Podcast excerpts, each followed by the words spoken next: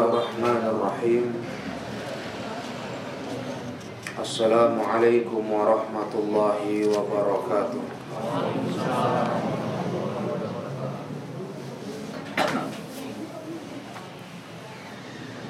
الحمد لله رب العالمين والصلاة والسلام على رسول الله الأمين وعلى آله وأصحابه والتابعين ومن تبعهم بإحسان إلى يوم الدين. أشهد أن لا إله إلا الله وحده لا شريك له وأشهد أن محمدا عبده ورسوله الذي لا نبي بعده. قال الله تعالى في كتابه الكريم يا أيها الذين آمنوا اتقوا الله حق تقاته ولا تموتن إلا وأنتم مسلمون وقال رسول الله صلى الله عليه وسلم فإن أصدق الحديث كتاب الله وخير الهدى هدى محمد صلى الله عليه وسلم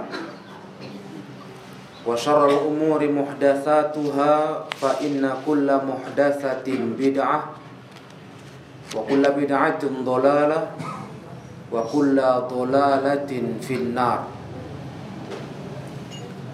أما بعد معاشر الإخوة kaum muslimin rahimakumullah Malam hari ini kita akan melanjutkan pelajaran dari kitab Aqidah Salaf Ashabil Hadis yang ditulis oleh Imam As-Sabuni Asy-Syafi'i rahimahullahu taala. Dari kajian kitab ini alhamdulillah kita telah sampai di poin ke-13. Poin ke-13 berjudul Al-imanu qaulun wa amalun wa yazidu wa yanqusu. Iman itu adalah ucapan dan amalan ucapan dan amalan iman itu bertambah dan bisa berkurang. Ini termasuk dari akidah ashabil hadis. Kata Imam As-Sabuni rahimahullah wa min madhhabi ahli hadis termasuk dari mazhabnya ahlul hadis annal imana qaulun wa amalun wa ma'rifatun yazidu bit ta'ati wa yanqusu bil ma'siyati. Termasuk madhabnya ahlul hadis bahwasanya iman itu adalah ucapan ucapan lisan. Maka kalau kita bicara iman yang pertama harus ada melafatkan. Begitu pula iman itu juga amalan. Ada dalam perbuatan. Bukan hanya ucapan mulut saja. Tapi muncul dalam amalan badan. Dan juga iman itu adalah ma'rifatan. Pengetahuan hati. Pengakuan hati ini rangkaian iman ma'asyiral ikhwah yang mulia. Tak boleh diputus, dipisah satupun. Iman itu ucapan, iman itu perbuatan, iman itu pengetahuan hati. Jangan diputus, jangan dipisah. Karena ini adalah madhabnya ahlul hadis, ahlus sunnah. Yazidu bit ta'ati wa bil ma'siyati. Iman itu bertambah dengan taat. Ketika kita tambah taat kepada Allah, iman pun naik. dan iman itu akan berkurang ketika seorang hamba melakukan kemaksiatan.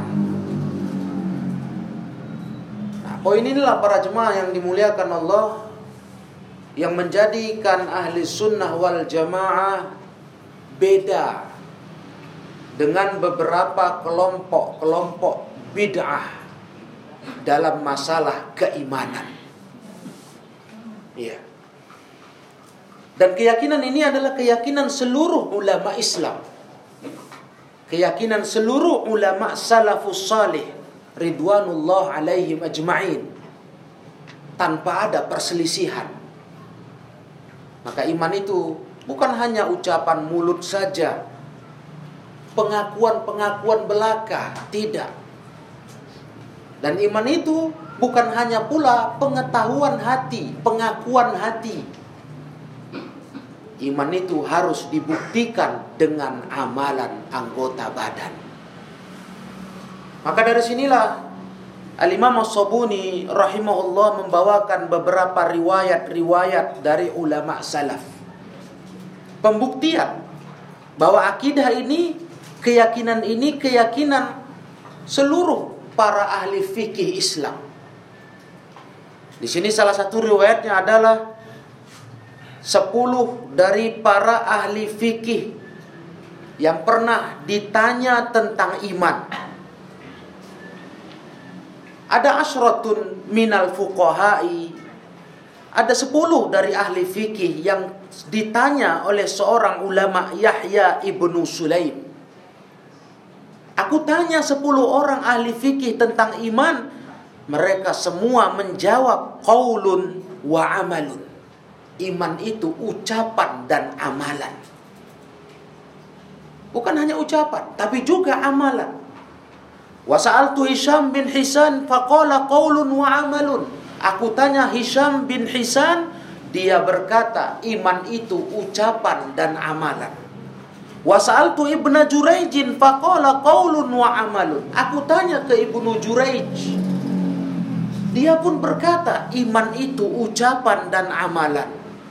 Wasa'altu Sufyan Ats-Tsauri faqala qaulun wa amalun. Aku juga tanya Sufyan Ats-Tsauri, dia pun berkata iman itu ucapan dan amalan. Wasa'altul Musanna Ibnu Sabbah faqala qaulun wa amalun. Juga berkata Al-Musanna Ibnu Sabbah, iman itu ucapan dan amalan. Wasa'altu Muhammad bin Muslim At-Taifi faqala qaulun wa amalun.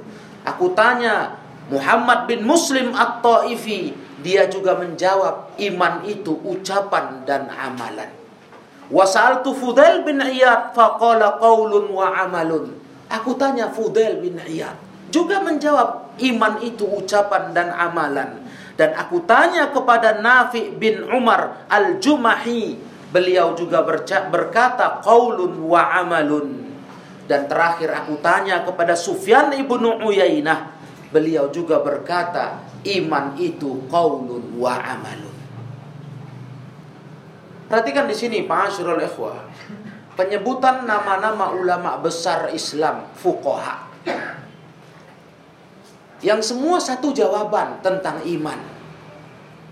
Ternyata iman bukan cukup hanya dalam ucapan lisan, pengakuan, atau malah hanya sekedar keyakinan hati. Tidak cukup. Nah, inilah yang menyebabkan banyak orang salah memahami iman. Sampai muncul satu istilah yang penting hatinya. Istilah ini populer, ma'asyarul. Ketika seorang ada berbuat yang menyimpang di agama, menyalahi agama, tapi masih ada pembelaan. Yang penting hatinya baik. Kalimat ini kalimat yang terkontaminasi pemikiran yang menyala. Dan kelompok yang mengatakan iman cukup ucapan, nggak perlu keyakinan, bahkan nggak perlu ucapan lisan, ah, amalan, hanya ucapan. Itu kelompok murjiah. Ya, jadi kalimat yang biasa di masyarakat kita yang penting hatinya baik. Seakan-akan amalan itu bukan penentu dalam keimanan. Yang penting hatinya baik, sudah bagus. Nah, ini pemahaman Murji'ah. Murji'ah yang mengatakan amalan bukan termasuk iman. Alangkah bahayanya pemikiran ini, ma'asyiral muslimin rahimakumullah. Nanti akan banyak orang-orang yang berbuat kerusakan di muka bumi, menyimpang perbuatan, menyalah, bisa dianggap dia termasuk orang yang sempurna imannya asal hatinya baik asal pengakuannya tulus. Ini kacau. Ini merusak pemahaman maka para ahlu sunnah mengatakan dengan tegas iman itu harus ucapan dan amalan berikut pengakuan batin itu iman ya kalau ada orang amalan rusak amalan jelek berarti imannya turun. Ya. Kalau ada orang amalan menyimpang dari agama, berarti imannya menipis. Dan iman ini bahkan kata ulama akan terus berkurang hatta la yabqa minhu syai'un. Bisa nggak sisa sedikit pun, habis. Maka siapa yang bilang kalau orang sudah beriman pasti imannya terjaga, stabil? Tidak iman itu akan berkurang dengan maksiat dan dia akan bertambah dengan taat. Maka dalam Islam sesuai hadis Nabi Wasallam, kalau betul hati orang itu baik, imannya bagus, niscaya amalannya pun bagus. Malah amalan itu menunjukkan tanda iman di hati. Bukan dipisahkan. Bukan dianggap yang penting hati baik walaupun amal rusak. Itu mustahil. Amalan itu penunjuk tanda hati orang itu baik. Tanda imannya bagus, amalnya pun bagus. Itu hadis sangat dikenal, ma'asyiral ikhwah yang mulia. Sabda Rasul sallallahu alaihi wasallam, "Ala wa inna fil jasadi mudghah." Ketahuilah sesungguhnya di dalam jasad ini ada segumpal darah. Idza saluhat saluhal jasadu kulluh wa idza fasadat fasadal jasadu kulluh ala wahyal qalbu. Kalau segumpal darah ini baik, baiklah semua anggota badan. Ini tanda hati baik itu baiklah badan, amal baik. Tapi kalau segumpal ini buruk, rusak, rusak anggota badan, tingkah pun rusak, jelek. Jadi bagaimana mungkin mau dianggap yang penting hati baik? Bagaimana mungkin itu kalau amal buruk? Nah, ini pemikiran yang dinamakan dalam Islam murjiah. Amalan tidak termasuk keimanan. Ini faham yang menyesatkan kaum muslimin ya. Pemahaman yang tidak diajarkan Nabi Muhammad sallallahu alaihi wasallam. Masyarul ikhwah para jemaah yang dirahmati Allah Subhanahu wa taala. Kalau dibagi secara kelompok di Islam ini ada empat pemikiran dalam memandang keimanan. Kita harus kenal. Sebagaimana nasihat Hudzaifah ibnul Yaman Orang banyak nanya ke Nabi tentang kebaikan. Kalau aku nanya ke Nabi tentang keburukan. Orang tanya ke Nabi yang baik-baik apa ya Rasul? Kalau saya, kata Hudzaifah, saya tanya apa yang buruk. Kenapa? Makhofatan ayudrikani. Karena aku khawatir aku terjatuh dalam keburukan itu. Jadi saya sekedar mengingatkan ke jemaah sekalian. Kita memang harus tahu mana faham yang benar, mana yang menyalah. Itu harus. Harus ada itu. Harus ada irdul haq waraddul batil. Memaparkan kebenaran, membantah kebatilan. Tujuan kita mengenal yang benar kita ikuti, kita kenal yang batil kita hindari. Nah ini empat pemikiran dalam Islam. Menyangkut masalah keimanan. Yang pertama adalah pendapat Imam Malik, Imam Syafi'i, Imam Ahmad, Al-Auza'i, Ishaq bin Rahuya dan seluruh ahlul hadis. Lihat para ikhwah, dari empat mazhab ada tiga mazhab. Malik, Syafi'i, dan Ahmad. Begitu pula pendapat Imam Auza'i, Ishaq bin Rahuya, dan seluruh ahlul hadis dan penduduk Madinah rahimahumullah semua satu kata mengatakan bahwa iman itu tasdikun bil janani wa iqrarun bil lisani wa amalun bil arkani. Iman itu adalah pembenaran dengan hati. Kemudian pengakuan dengan lisan dan amalan dengan anggota badan komplit. Itu iman. Kurang satu sudah tidak beriman namanya. Cerita beriman, orang beriman itu tiga-tiga ini ada di dirinya.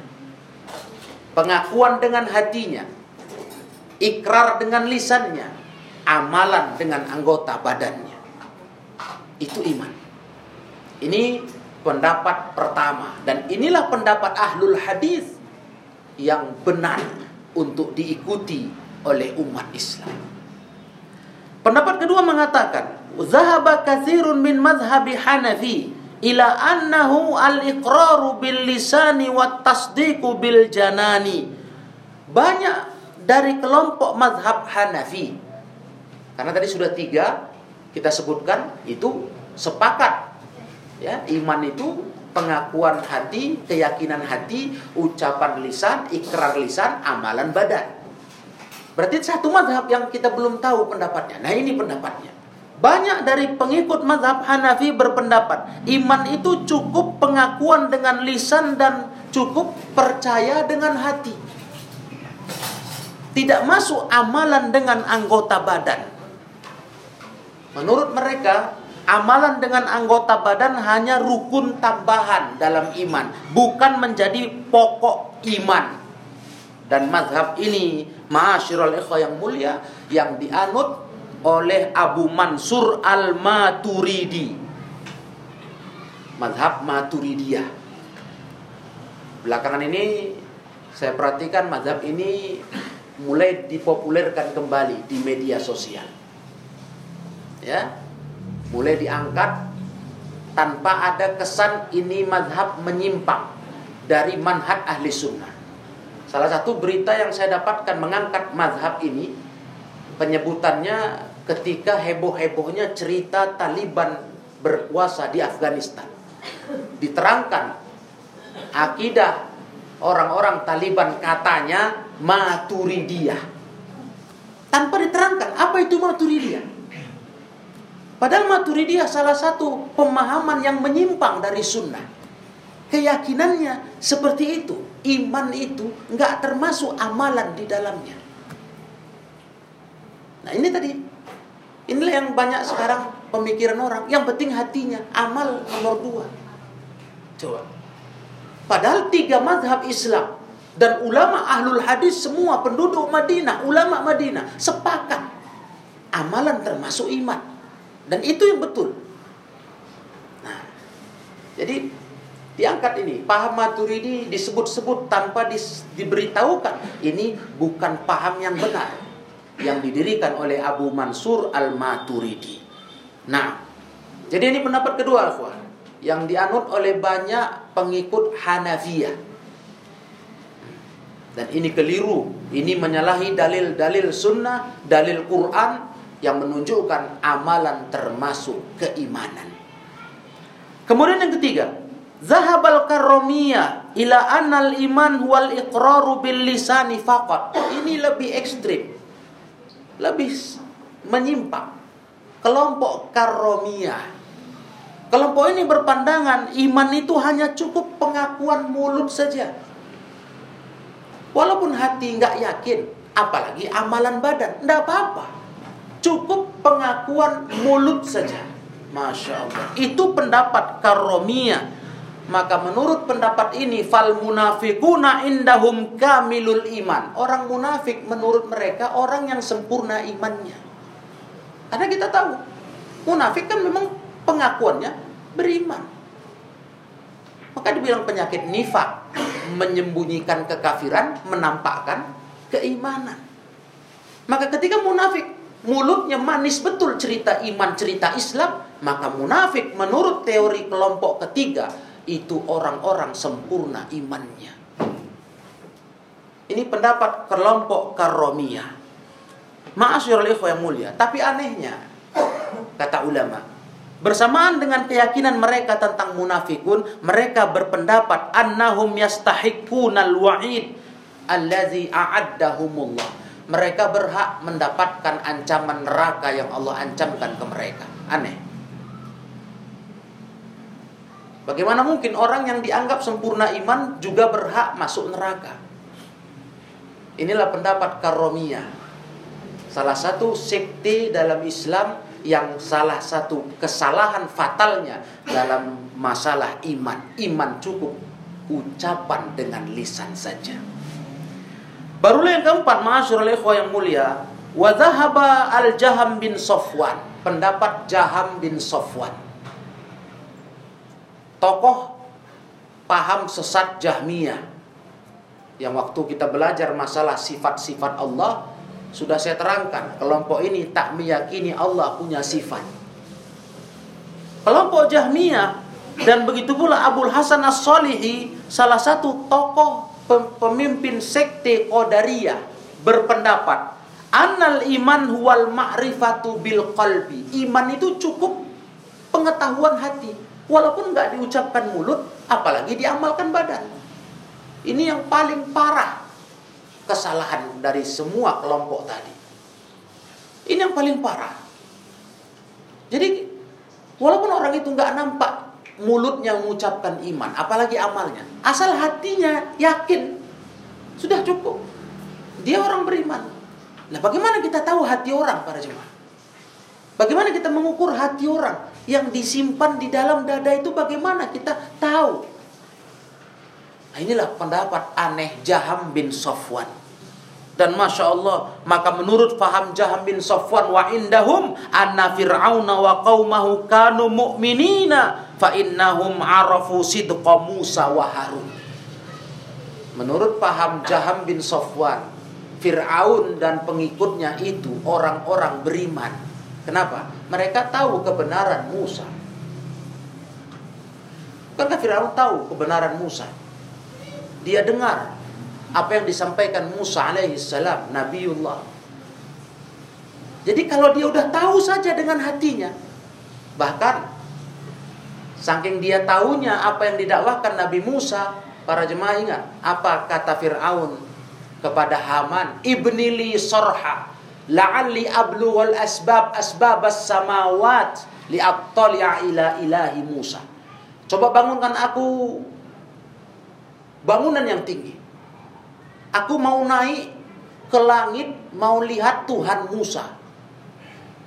Dia tahu dakwah Nabi Musa mengatakan Allah Ta'ala di atas sana. Dia tahu dan itu cukup kalau menurut versi Jaham bin Sofwan pengetahuan hatinya tentang Allah cukup menjadikan Fir'aun beriman. La ilaha illallah. Cobalah para jemaah yang mulia. Artinya beginilah kondisi kita umat Islam. Paham-paham seperti ini Walaupun tokoh-tokohnya sudah lama mati, tapi paham ini terus ada di tengah masyarakat. Terus ada, terus disebar. Maka kita harus tahu kebatilan sebagaimana kita harus belajar kebenaran. Kebatilan untuk kita hindari, kebenaran untuk kita ikuti insya Allah. Nah jemaah yang mulia, sampai-sampai subhanallah bagi mereka Abu Talib Abu Talib paman Nabi yang mati di atas kekafiran, tak mau beriman dengan dakwah Nabi, bujukan Nabi mengucapkan la ilaha illallah menurut pemahaman Jaham bin Safwan. Beliau pun beriman karena hatinya sudah mengakui tentang kenabian Muhammad SAW. Bahkan lebih jahat dari itu. Iblis alaihi la'natullah. Menurut pemahaman Jaham bin Safwan adalah seorang yang beriman. Karena iblis pun banyak pengetahuannya tentang Allah Ta'ala, kebenaran Allah Ta'ala. Bahkan iblis dalam satu ayat Allah, dia bersumpah, Fabi izzatika, demi kemuliaanmu ya Allah, izzahmu. Iblis pun tahu kedudukan Allah Ta'ala sebagai pencipta yang maha perkasa. Maka pengetahuan iblis itu sekedar di hati saja, pengetahuan saja cukup menjadikan dia beriman. Ini empat pemahaman yang beredar di Islam. Dan dari empat ini jemaah yang mulia hanya satu yang benar. Pendapatnya mazhabnya ahlul hadis, pendapatnya para fukoha, tiga imam mazhab, pendapatnya ulama-ulama Islam dari dulu kala, semuanya begitu. Iman itu lengkap, ucapan lisan, keyakinan hati, amalan badan. Jadi nggak boleh kurang satu pun. Kalau ada yang kurang dari tiga perkara ini, maka orang itu tidak bisa dikatakan beriman atau dikatakan kurang imannya. Karena iman itu bertambah dan berkurang. Dari Al-Quran Allah pernah berfirman di surah Al-Fatah ayat keempat. Apa kata Allah? Untuk menunjukkan iman itu bertambah. Bertambah dengan apa? Dengan taat. Taat itu apa? Amalan. Nah bagaimana kita cerita taat kalau nggak beramal? Nah, kita perhatikan ayat ini. Surah Al-Fatah ayat 4 Allah berfirman, "Liyazdadu imanam ma'a imanihim." Agar bertambah iman mereka bersama iman mereka yang lainnya. Yazdadu bertambah. Kan cukup jelas, Iman itu bertambah, bukan bertahan segitu saja. Kalau kita makin taat, makin naik iman itu. Nah, makanya ikhwan fillah yang dimuliakan Allah, iman ini kan karunia termahal dalam hidup kita. Banyak nikmat dunia ini kita rasakan. Nggak mampu kita menghitungnya. Wa in ta'udu ni'matallah la tuhsuha. Kalau kalian hitung nikmat Allah nggak terhitung kalian kata Allah. Sadarkah kita, nikmat termahal dari semua nikmat dunia yang kita rasa adalah nikmat iman. Maka iman ini dijaga. Menjaga iman itu adalah dengan meningkatkan ketaatan. Itu cara menjaganya. Ketaatan ditambah, ditambah yang ada dipelihara, yang belum dikerjakan dikerjakan. Begitu. Itu bentuk syukur kita akan nikmat terbesar ini, nikmatul iman. Nah, karena iman ini adalah sebuah nikmat yang Allah beri kepada siapa yang Allah mau. Yahdi mayyasha. Yang ngatur iman di hati kita ini Allah. Yang memberi Allah. Bisa kita lihat. Kita yang punya iman Alhamdulillah. Yang yakin dengan agama Islam ini. Yang yakin penuh dengan kebenarannya. Tapi di hati orang yang tak Allah beri keimanan. Dia memandang agama Islam ini agama yang sangat jelek, agama yang sangat membingungkan, agama yang sangat kacau dan sebagainya. Ini nikmat iman nggak bisa dibeli para ikhwah, para jemaah yang saya muliakan. Nikmat yang tidak bisa kita hargai. Maka pelihara dia dengan taat. Hah? Ketika kita tambah taat, iman terjaga. Nah, mudah-mudahan kita mati di atas iman. Ini dia. Itulah target terakhir kita. Mati di atas iman. Husnul khatimah. Kalau kita terus jaga, terus jaga, terus jaga sampai akhir hayat maka iman itu akan terus terjaga naik dan naik insyaallah taala. Di surah Al-Kahfi pun ada ayat 13. Allah menegaskan wa wazidnahum huda kata Allah. Kami tambah petunjuk untuk mereka. Kata ulama tafsir, petunjuk yang Allah tambah di sini adalah iman. Wazidnahum huda. Berarti bertambah iman itu. Bukan bertahan segitu saja. Dia bertambah tergantung dengan diri kita, amaliah kita. Nah, begitu pula para ikhwah di surah Al-Maidah di ayat 31 Allah berfirman, "Wa yazdadul amanu imana." Bertambah orang beriman itu iman-iman di hati mereka, terus bertambah. Terus bertambah. Orang beriman itu karena bertambah amal solehnya. Nah, nah di sini kita Selain memikirkan amal soleh, kita harus menjaga diri dari maksiat. Maksiat itu bikin iman turun. Hmm? Bikin iman turun bahkan sampai habis. Tak tersisa bisa. Itulah dicabutnya hidayah dari diri seorang hamba. Ketika imannya habis tanpa dia sadari. Jadi kaum muslimin yang dirahmati Allah tabaraka wa taala. Dengan iman inilah seorang muslim masih punya harapan untuk dikeluarkan dari neraka Allah kalaupun dia masuk ke dalamnya. Karena janji Allah bagi orang-orang beriman tidak akan kekal di neraka. Janji Allah orang beriman itu tidak akan abadi di neraka. Pasti akan ada masa diangkat dari neraka dengan modal iman ini. Nah, inilah mahalnya iman. Sedangkan orang-orang yang kafir kepada Allah yang tak punya iman di dada mereka, maka mereka akan terus masuk di neraka selamanya. Tak bisa keluar darinya. Tak ada harapan untuk selamat darinya. Nauzubillah. Nah, kaum muslimin yang dirahmati Allah tabaraka wa taala. Maka mari kita jaga iman ini, kita pelihara. Ya, kita tingkatkan. Dan salah satu upaya kita menaikkan iman kita dengan taat dan amal soleh adalah belajar agama ini. Ini tambahan faedah yang perlu saya sampaikan ke ikhwah. Karena kata para ulama dalam kitab keutamaan belajar ilmu din. Di saat kita belajar ilmu agama ini, kita ibarat memberi makan iman kita. Iman kita butuh makanan untuk dia selalu sehat di dada. Dan makanannya adalah disirami dengan ilmu din, ilmu agama. Sehingga dia tetap segar, tumbuh di hati kita, terpelihara. Nanti dialah yang menggerakkan badan kita untuk kita beramal kebaikan. Ini salah satu yang sangat ditekankan ulama untuk kita menjaga iman kita dengan selalu mendapati siraman ilmu agama dari Quran dan Sunnah Nabi Sallallahu Alaihi Wasallam harus. Jadi jangan kita sia-siakan para ikhwah kesempatan umur yang diberi Allah Tabaraka wa Taala untuk habis-habis tidak jelas jalannya, tidak jelas manfaatnya, Salah satu yang harus kita manfaatkan dari umur kita adalah kita berusaha mempelajari agama Allah, mendapatkan siraman-siraman ilmu dari Al-Quran dan Sunnah Rasulullah Sallallahu Alaihi Wasallam. Kaum muslimin yang mulia, yang sangat bertolak belakang dengan prinsip iman ini adalah kelompok Khawarij. Kelompok Khawarij itu berpaham ekstrim dalam masalah kesalahan amalan bagi orang beriman. Jadi mereka orang-orang yang sangat ekstrim sekali. Mereka yakin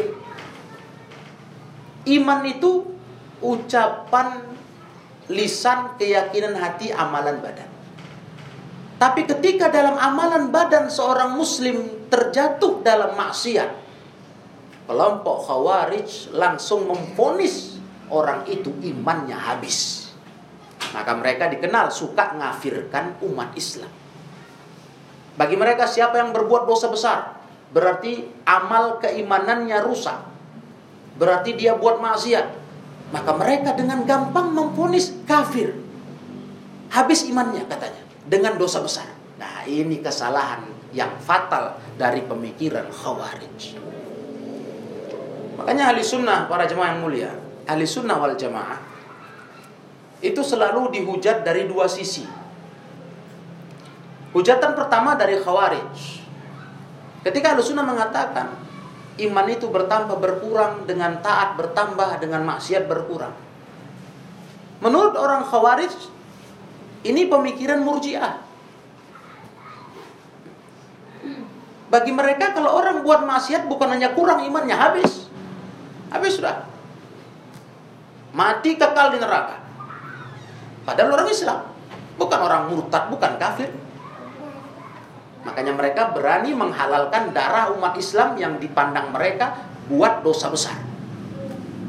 Nah, ini. Jadi sunnah di satu sisi dihujat oleh orang mur, uh, khawarij sebagai orang murjiah. Iya. Ini murjiah katanya. Nah, dari sisi yang sebelah, ahlu sunnah dituding orang murjiah khawarij. Nah, karena ahli sunnah memandang amalan termasuk iman. Cuman amalan ini kalau dia dikotori dengan maksiat bukan berarti menjadi penyebab iman tuh habis total langsung tanpa proses tidak. Nah, bagi khawarij, bagi orang murjiah, ah itu khawarij itu. Nah, itulah halus sunnah. Dihujat kanan kiri. Padahal halus sunnah di tengah-tengah. Nah, ini hati-hati jemaah. Kita harus kenal ini. Pola-pola pemikiran yang menyimpang ini nggak bisa kita abaikan. Dia ada di sekeliling kita. Kelompok ekstremis khawarij di sekeliling kita. Yang mudah-mudah menggelar kafir-kafir kepada umat Islam. Hanya karena buat dosa besar. Difonis terus kafir habis imannya, gugur imannya. Nauzubillah min dzalik. Nanti ujung-ujungnya halal darahnya. Ini pemikiran yang mengerikan khawarij. Di sisi lain ada murjiah yang meremehkan amalan, yang penting hatinya, yang penting hatinya. Nah, ini cenderung kepada orang-orang yang masih awam. Yang sepele dengan pelanggaran dosa. Allah, yang penting hati kita jaga. Nah, padahal amal udah menyalah betul ini. Udah terjerumus di dosa besar macam-macam dia buat tapi terus menghibur diri yang penting hati kita jaga nah, nih, kalau kita nggak sadar ini kesalahan apa kita yakin kita bisa selamat darinya? Bisa kita mengantisipasi nggak jatuh ke dalamnya? Nah, kalau orang yang lebih semangat beragama jatuhnya ke khawarij. Yang gigih beragama yang serius beragama. Nah, salah jalan jatuh ke khawarij. Mandang orang lain yang kurang taat menurut dia atau yang buat maksiat menurut dia dikafirkannya. Ini sadar kita di lingkungan kita, di masyarakat kita, pemikiran ini banyak sekali. Serius beragama, salah-salah bisa jatuh ke khawarij kalau nggak betul jalannya. Mandang orang lain itu dengan pandangan yang mengerikan. Fonis-fonis yang mengerikan. Nah, karena dia orang yang bersemangat dalam beragama. Jadi melihat orang yang kurang agamanya, menyimpang agamanya, menyalah, maksiat, langsung dia vonis kafir, kafir, kafir. Suka mengafirkan umat Islam. Di sisi lain, orang banyak meremehkan masalah agama, mengecilkan hukum-hukum agama. Larangan-larangan agama ditabraknya dengan tenang. Dia merasa yang penting hatiku baik. Main riba, iya. Bahkan dosa-dosa lainnya dibuat saja tanpa rasa salah, rasa takut Cuma dengan satu hiburan di diri dia. Yang penting hati kita baik. Nah, masyarul yang mulia. Jadi ini poin yang ke-13 ini penting kita kaji. Dan ini termasuk daripada akidah salaf ashabul hadis yang menjadikan ahli sunnah wal jamaah tetap berada di atas Quran dan sunnah. Karena landasan dari pemikiran atau poin ke-13 ini adalah Al-Quran dan Sunnah dengan pemahaman salaf. Ya, hadis tentang uh, iman naik turun itu lengkap, banyak. Ayat-ayat ada dan paham tafsirnya pun begitu. Yang intinya kaum muslimin yang mulia, pendapat yang benar hanyalah satu. Ingat, itulah pendapat tiga imam madhab, Malik, Syafi'i, Ahmad. Dan ulama-ulama ahli hadis semuanya yang mengatakan iman itu ada tiga perkara. Ucapan lisan keyakinan hati amalan badan. Dia bertambah dengan taat dan iman berkurang dengan maksiat ya jadi ini merupakan akidah ahli sunnah wal jamaah yang wajib kita imani dan jangan pernah kita tinggalkan dikarenakan banyaknya pemahaman yang menyimpang dalam kehidupan kita.